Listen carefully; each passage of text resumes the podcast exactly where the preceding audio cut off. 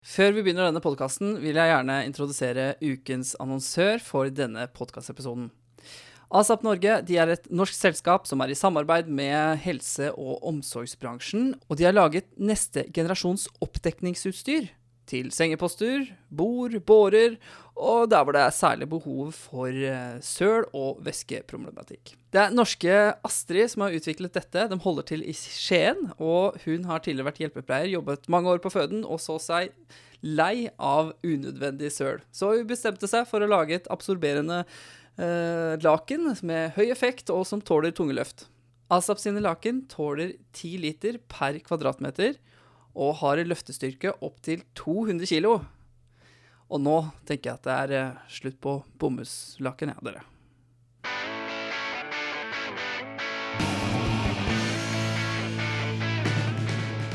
Hei og hjertelig velkommen til en ny episode av podkasten Du puster for fort. Mitt navn det er Ole Kristian Andreassen, og jeg som hoster programmet.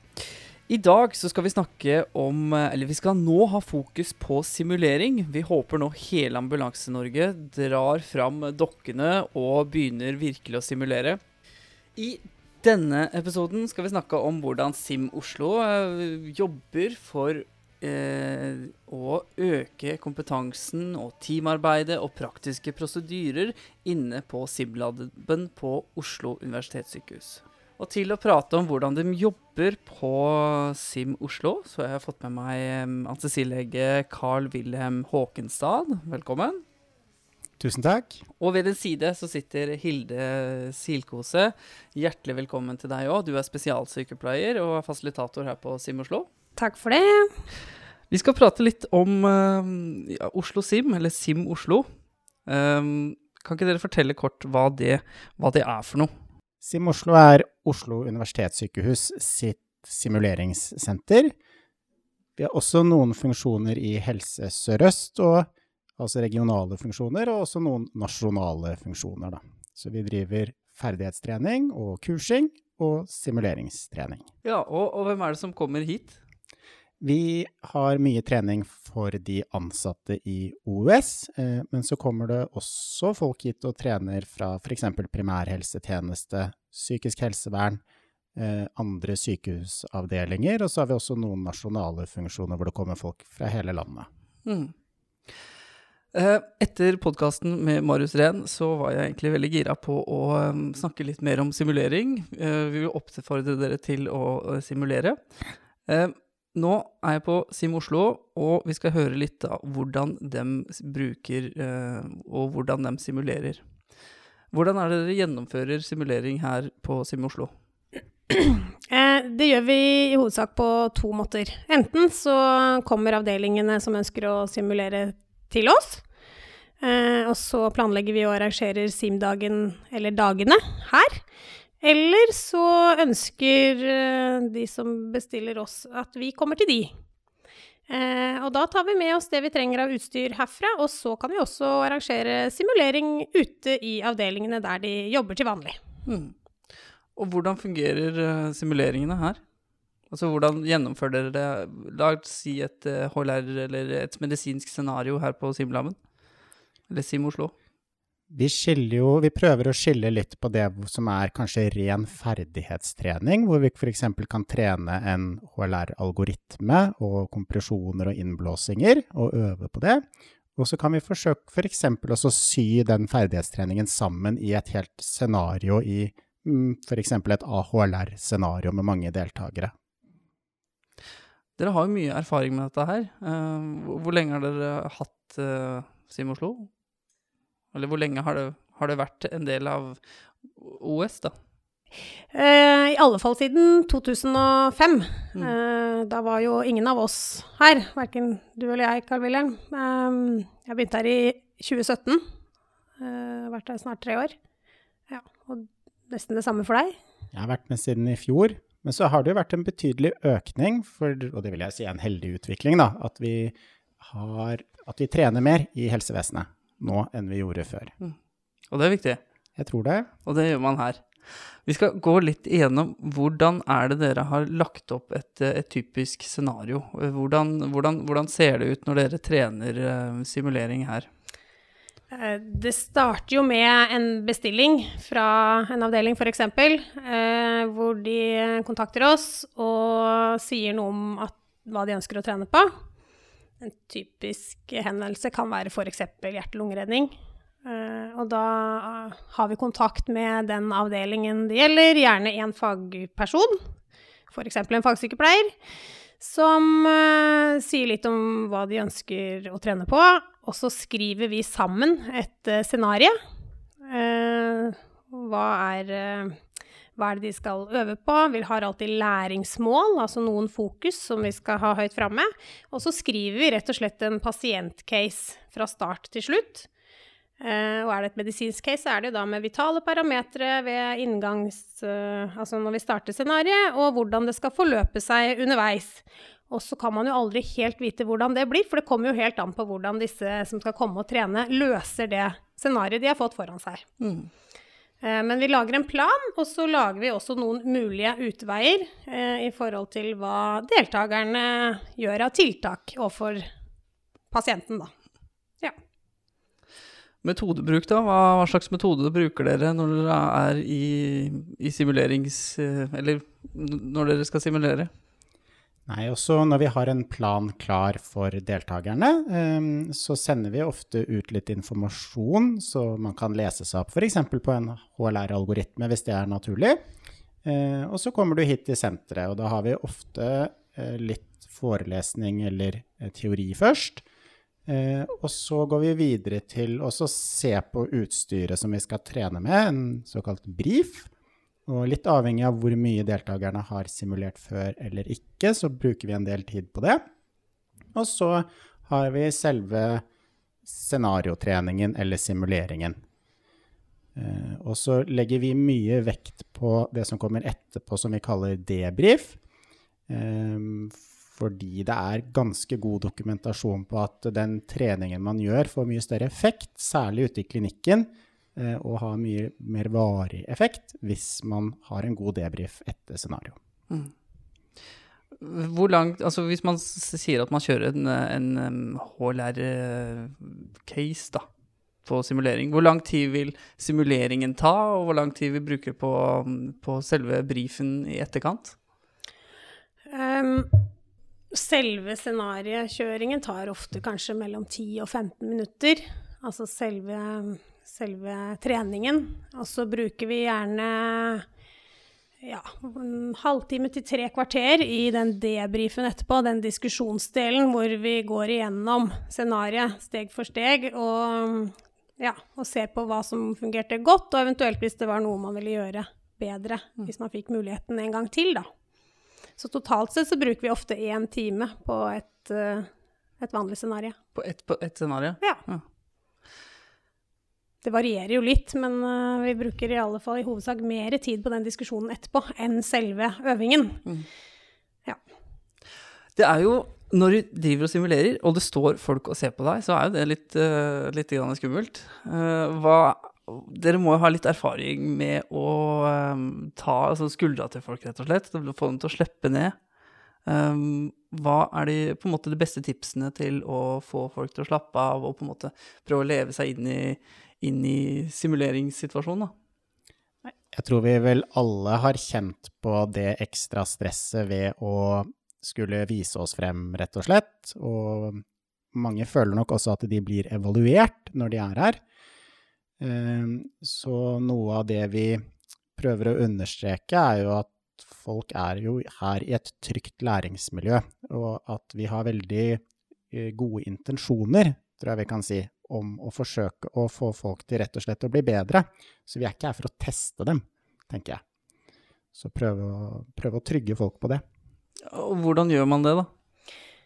Men det er jo noe med å sette seg ned og snakke i forkant. Eh, vi har jo alltid en introduksjon, de løper jo ikke rett inn på Simlaben, så vi setter oss gjerne ned, og vi har en presentasjonsrunde, og så sier vi litt om eh, Eller vi spør gjerne deltakerne om hvilke forventninger de har til dagen.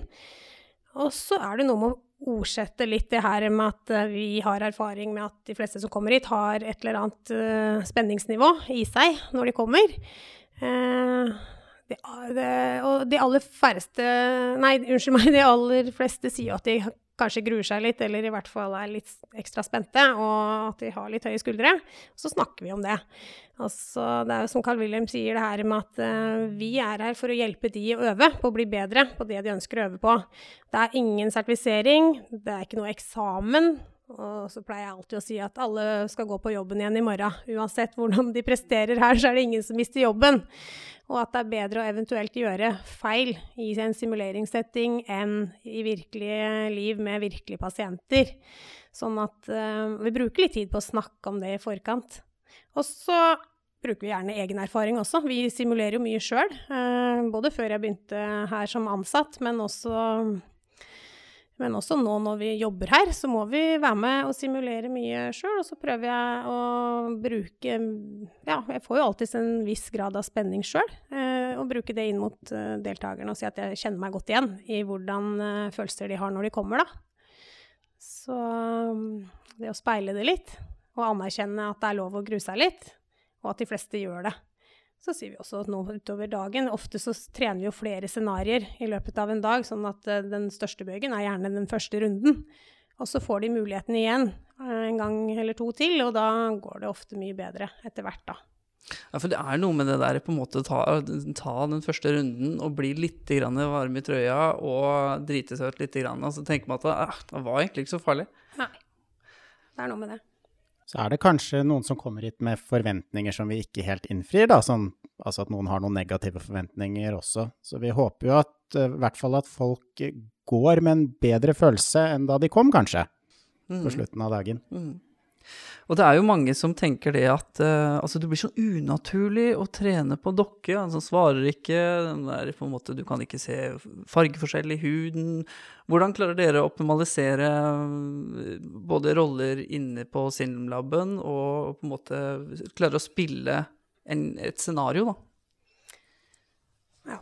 Um jeg tror mye av clouet ligger i det med den gode brifen i forkant, den der forberedelsene som vi gjør før vi setter i gang med scenarioet. Vi går jo alltid nøye gjennom hva disse simulatorene, eller da dukkene, kan, og hva de ikke kan. Så kan de overraskende mye, da. De puster, og de hoster, og de harker, og det er ulike hjertelyder, og de har ulike pulser, og de kan blunke og hoste og kaste opp. Riktignok uten innhold, men de har veldig mange ulike lyder.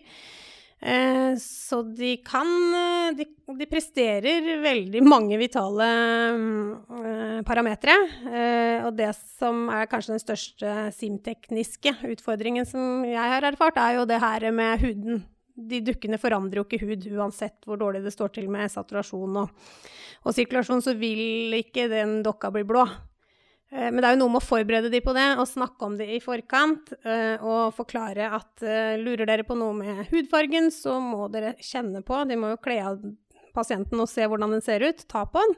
Og så vil jo vi som står i rommet, for vi som fasilitatorer, som det heter, da, som styrer scenarioet, vi står jo alltid inne i rommet og kan svare på spørsmål som kommer. Så om de lurer på kapillærfyllingen, så må de fysisk ta en kapillærfylling, og så får de et svar av oss. Men da må de jo utføre undersøkelsen. Det er uh, ingen som får lov å late som de gjør uh, undersøkelser. De må, de må, fysisk gjøre det på dukken. Og så får de svar av oss hvis ikke dukken kan svare selv, da. Ja. Så prøver vi å spille ned de simuleringstekniske aspektene så mye som mulig. Og min erfaring er i hvert fall at uh, etter hvert som folk får mer erfaring med å simulere, så betyr det mindre og mindre. Og så kan det være en pedagogisk eh, utfordring til deltakerne også, hvis de f.eks. sier at eh, ja, men i virkeligheten så ser vi at pasienten er syk, så kan vi jo finne på å spørre liksom, hvordan, hvordan er det dere ser at pasienten er syk?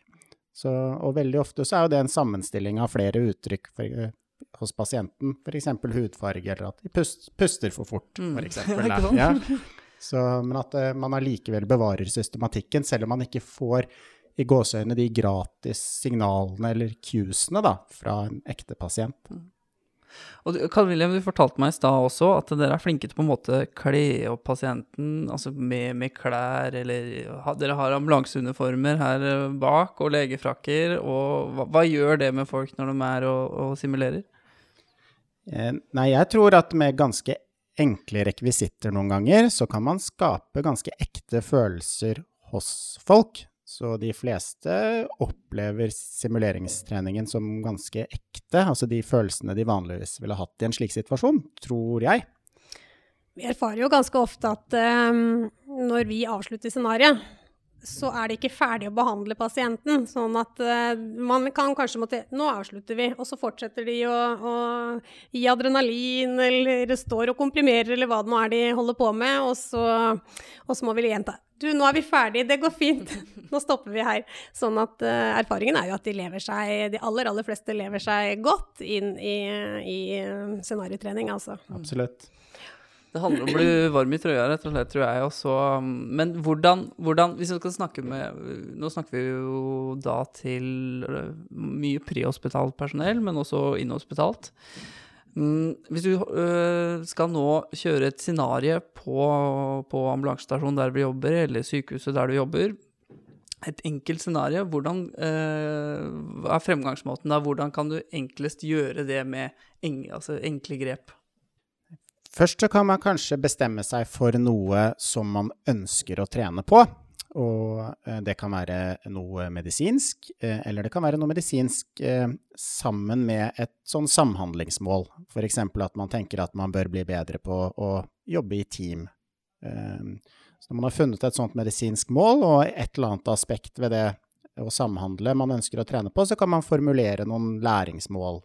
F.eks. at man skal ved resuscitering ha mindre hands-off-tid på pasienten. Det kan være en mulighet. Og, og, da kan man i utgangspunktet trene det med en ganske enkel dukke, eh, og så kan man se på eh, hvordan hands-off-tiden er, da, i, ved å øve seg i et scenario.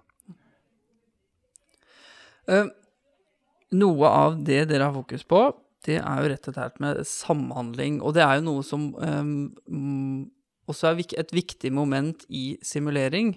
Ehm, og man har tatt med seg fra luftfarten CRM. Kan dere fortelle litt kort hva, egentlig, hva, hva CRM er, hva det er for noe? Ja, eh, CRM det, kan jo høres litt sånn konsulentaktig ut. Eh, men vi prøver jo å få det mye mer jordnært og konkret enn det. Eh, den C-en sto jo opprinnelig fra, for cockpit, og så har det blitt utvidet at nå, vi bruker gjerne sånn crisis resource management. Og det finnes jo mange andre navn som på tilsvarende konsept, f.eks. ikke-tekniske ferdigheter eller non-technical skills, eller sosiale og kognitive ferdigheter. Eh, og det er egentlig begreper i CRM da, som eh, forsøker å beskrive noe om hvordan vi opptrer som individer og i team. Og et vanlig spørsmål for oss er jo om folk har deltatt i team eller jobbet i team noen gang, og det har de veldig ofte, de som kommer hit. Eh, og de fleste av dem har erfaring med team som har fungert bra, og team som har fungert mindre bra. Eh, og så forsøker vi også hjelpe til med å sette noen ord på hvorfor det er noen team som fungerer bra, og hvorfor det er noen team som ikke fungerer så bra.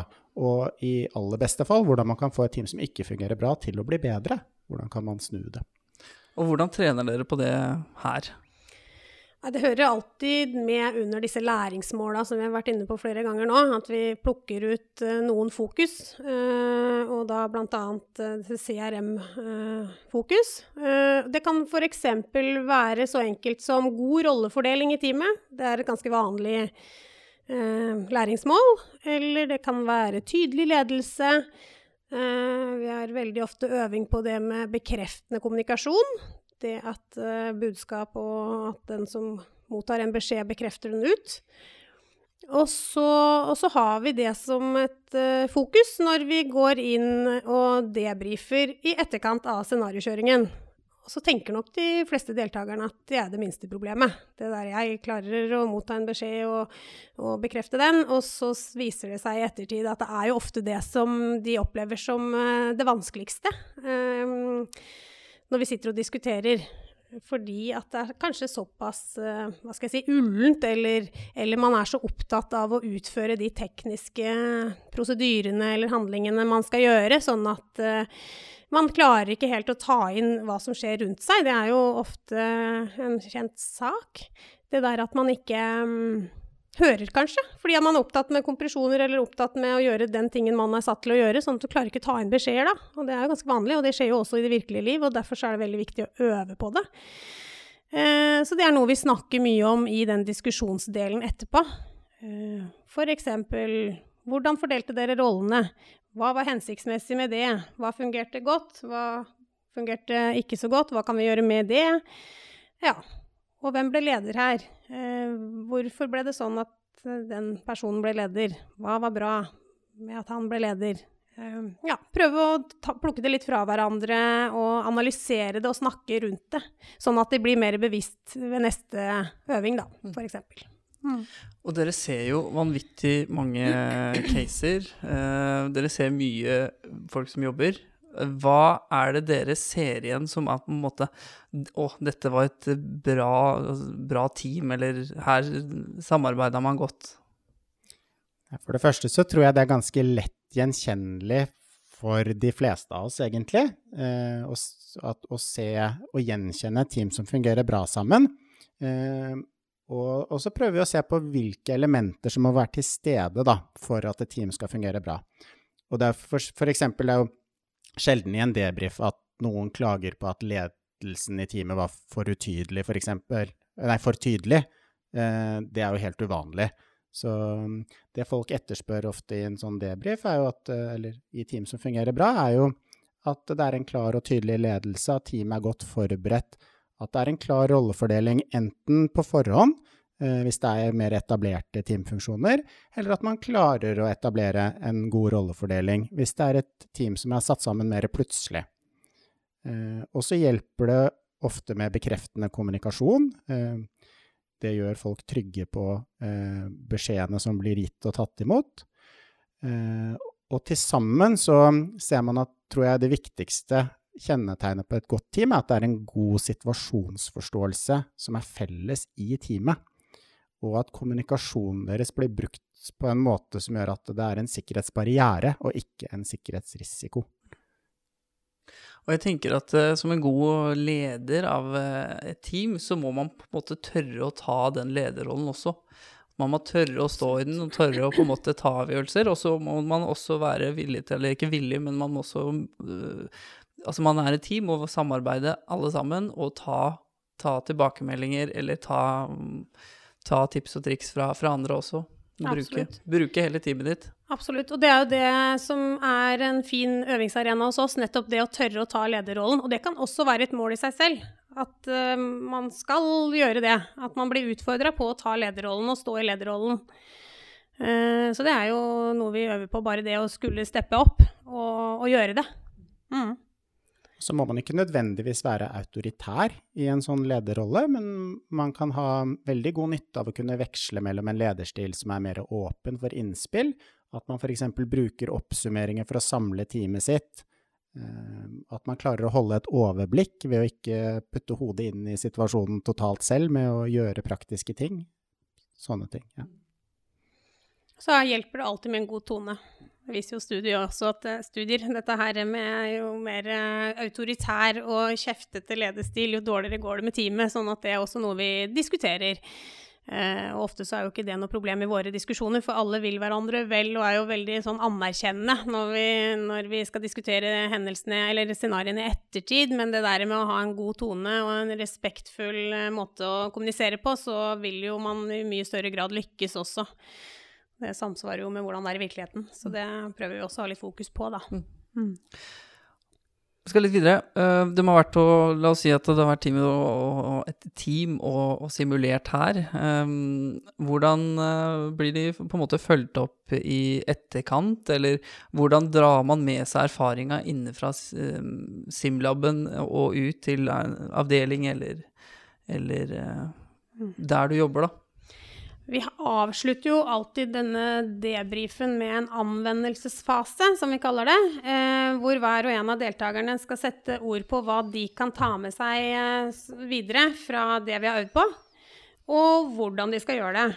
Eh, så vi prøver å ansvarliggjøre deltakerne da, med hva har du lært, og sette noen ord på det. Og, og hvordan skal du ta med deg det inn i den virkelige hverdagen på jobben.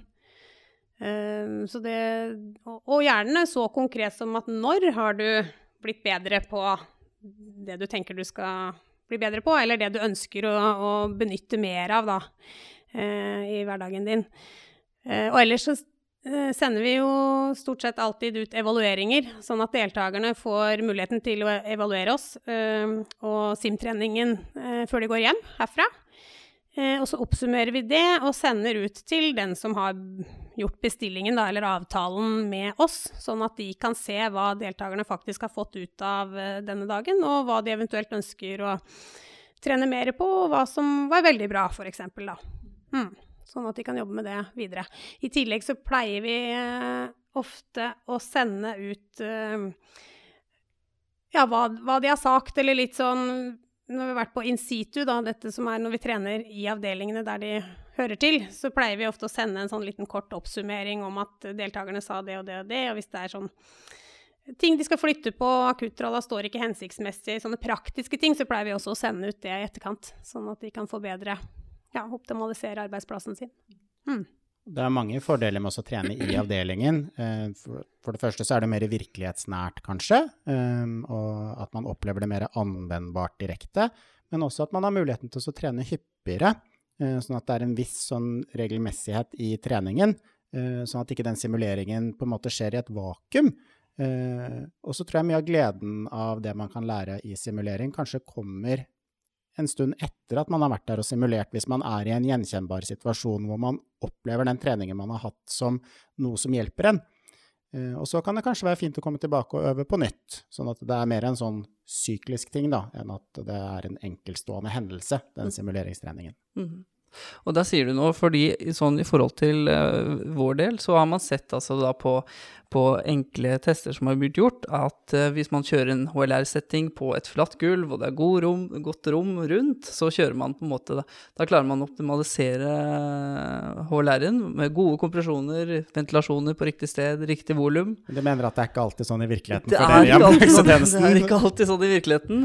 Men uh, man har sett da at man flytter man pasienten inn i ambulansen Voksen f.eks., der var det trangere. Det er ikke, man klarer ikke å optimalisere på en måte rom, og eh, så minsker kvaliteten på HLR og, og, mm, og teamarbeidet, rett og slett. Så eh, tren der hvor du egentlig har eh, altså, optimalt prøve å trene der hvor du ikke alt er tilrettelagt også, tenker jeg at det, sånn som du sier, å trene på avdeling der hvor akutttralla står da 50 meter bortafor, og du må faktisk fysisk løpe og hente den, eller ja. Jeg er helt enig, eller sagt med en floskel, train as you fight, rett og slett. Train as you fight, ja. ja. Det er mange som har fått noen aha-opplevelser av å trene i sin egen post. Bare det med å få åpna dører, og så står det senger i veien, og så står vasketralla der, og så virker ikke utstyret fordi at det har stått og skal repareres i 14 dager. Ja, så finner vi ikke fram inni skapene, så ligger ikke tingene der de skulle lagt. Så det er, eh, det er mange som har fått seg noen aha-opplevelser på, på, det å øve i sin egen post. Mm. Eh, og ikke minst hvor lang tid ting tar. Mm. Det her med at eh, skal du legge inn en veneflon i en hu og en heis, så tar det den tida det tar. Og det tar også den tida det tar å gå og hente den tralla som kanskje sto bak døra nedstøva under et laken og ikke har vært sjekka på en stund. Sånn at uh, det er mange som har fått røska opp litt i akuttberedskapen sin, i hvert fall etter at vi har vært på besøk. Så det føles veldig meningsfullt for både deltakerne og, og, oss også, vil jeg si. Ja. Da har vi hatt en bra dag på jobben. Da har hatt en bra dag på jobben, ja. Um, hvordan tenker dere Altså, her har dere dokker til sikkert uh, mange millioner kroner, det jeg vet ikke. Uh, de er avanserte og prater, og de svetter, ikke skjønt jeg har skiftet farge, men uh, svært avanserte dokker. Er, må man ha så avanserte dokker for å på en måte simulere eller optimalisert en, en simulering, eller kan man gjøre det med en dokke uten arm og Hva tenker dere om det? Det korte svaret på om man trenger det, er nei, ja. tenker jeg. Det, men det kan være hjelpsomt for noen spesielle ting. Så det er veldig gøy å ha muligheten, fordi man kan kanskje lage mer komplekse og realistiske scenarioer. Men særlig etter hvert som man blir mer vant og komfortabel med det å, eh, med simuleringstrening. For det er på en måte en ferdighet i seg selv også, det der å kunne simulerings, simuleringstrene selv. Ehm, så tror jeg utstyret spiller mindre og mindre viktig rolle. Og så skal det jo ikke være sånn at fordi vi ikke har en dokke til flere millioner, så skal vi ikke øve. Eh, det viktigste er å komme i gang og øve. Og man kan jo også øve på en helt ordinær dokke som eh, bare ligger der. Eh, og så må man bare brife godt hvordan man skal forholde seg til den dukken, og fortelle at man kommer til å ja, si ifra om disse parameterne og hvordan verdier er og, og, sånne type ting. Og så kan man simulere veldig mye eh, i en sånn litt mindre skala enn det vi gjør her inne, da. Det viktigste er jo at folk kommer i gang og, og trener og øver på situasjoner som faktisk eh, kan komme til å skje. Mm. Vi skaper skaper en slags virtuell virkelighet når vi simulerer, og så lenge folk aksepterer premissene for det, så er det egentlig helt greit. Så det behøver bare å være så bra at folk gjør det, ja. egentlig. Ja. Og tenker, jeg tenker at du, så lenge du simulerer, så forbereder du deg på den dagen du har denne dårlige pasienten, sepsispasienten eller anafylaksi eller traumepasienten, og du minsker på en måte stressnivået da, den dagen du på en måte Hvis du er trygg på en, en traumeundersøkelse eller en, en, undersøkelse i det hele tatt, så, så minsker det på en måte stressnivået, for det vet du at du kan så er det kanskje andre ting som blir et sånn stressmoment i den situasjonen, men du trenger kanskje ikke Du får ikke stressituasjon på at uh, Luftvær, det har du trent på så godt at det, det, det mestrer du. Det kan, være, det kan, være, både luftvei, men det kan også være ledelse. At man kan ha sett at man kan klare å være trygg på å ta ledelsen i en vanskelig og uoversiktlig og krevende situasjon, og at det gir trygghet til å gjøre det i klinikken. Vi har også vært med en del på in situ, altså det, av, av, når de trener i avdelingene, hvor kanskje flere fra ulike avdelinger blir um, bedt om å komme og gjøre en øvelse sammen. Og det er det mange som syns kan være ganske stressende hvis de da blir bedt om å komme fra naboavdelingen for å være med i et scenario. Eh, og samtidig så er det noe med å øve seg på å plutselig havne i en sånn situasjon på ukjent grunn og med ukjente kollegaer, og så må øve på hva, hva kan jeg bidra med her. Og f.eks. i en hjerte-lungeredningssituasjon, hvis du har øvd på å komprimere og eller ventilere, så kan du iallfall ta på deg de oppgavene. Eh, og det er jo også noe, noe, å øve på. Det at selv om jeg kommer liksom rett inn i en situasjon som kan hende for alle, så er det alltids et eller annet man kan bidra med. Å ha øvd på det i forkant er jo et større suksesskriterium hvis det faktisk skulle skje noe der ute, da. Mm. Og så ønsker vi ønsker jo å bidra til at folk føler seg trygge, ikke at de føler seg utrygge. Um, så jeg tror det kan være positivt for avdelingene å drive simuleringstrening, også med tanke på hva slags arbeidsmiljø de har og får. At det kan være positivt for, for dem, da. Jeg pleier ofte å spørre uh, i podkasten hva som gjør en uh, ambulansearbeider eller en prehospitalarbeider god. Uh, dere kjenner vel kanskje ikke så godt til både miljø og, og um, prehospitale arbeidere. Eh, men i denne podkasten har jeg lyst til å spørre hvem, altså, hvem er det som er gode i simulering? Når ser dere at folk er gode i simulering? Det er jo først og fremst, eh, tenker jeg, når de tør å by på seg sjøl. Og de tør å, å, gå inn i situasjonen. Og, og, tør å prøve å gjøre det så realistisk som mulig. Og legge disse SIM-tekniske utfordringene bort. Og tenke at man er her for å trene. Eh, det er i hvert fall én eh, faktor som gjør at eh, man er god til å simulere. Så klart at jo flere ganger man har vært og øvd og simulert, så vil man etter hvert forstå litt mer gangen i det og bli bedre. Men jeg tror i utgangspunktet det å være positiv og, og se på det så realistisk som man bare klarer. Og ikke tøyse og tulle det bort, men å være seriøs. Mm. Eh, jeg er helt enig med Hilde i det. Eh, jeg tenker hvis, skal, hvis, jeg skal prøve å tenke på noen ting da, som, kan ha, som kan være spesielt verdifullt for ambulansearbeidere Nå må du korrigere meg hvis jeg tar feil. Eh, men jeg kan se for meg f.eks.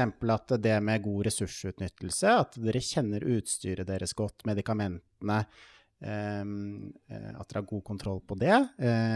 Også at dere bruker tiden f.eks. når dere er på vei ut på et oppdrag, til å formulere en plan med kanskje en rollefordeling når dere kommer frem. Um, det er ikke alltid det blir sånn som man hadde håpet eller trodd, men da har man i hvert fall et utgangspunkt som man kan jobbe videre fra. Uh, og så ser jeg for meg at det kan være veldig mye veldig stort behov for dynamisk beslutningsdaging hos dere. At uh, ting fort kan endre seg, eller at det kan være andre ting som møter dere enn det dere har fått melding om, eller, eller sånne ting. Da. Så dere må ha evnen til å ha et overblikk og kunne justere dere etter, justere kartet etter terrenget, da. Ofte. Det er ting jeg kan se for meg. Ja. Eh, jeg tenker vi avslutter da nå. Tusen takk for at jeg fikk lov til å komme på besøk. Takk eh, Carl Wilhelm, og takk Hilde for eh, en omvisning. Og ikke minst en podkast. Veldig hyggelig. Selv tusen takk. Takk for at du ville komme. Og så får du ta med deg noen av disse kollegaene dine hit på besøk til oss, da, så kan vi trene litt. Da tar jeg deg på ordet på det. Gjør det. Skal vi gå og simulere nå? Kom og, Gjerne. tren, kom og tren med oss. Takk. Takk for nå.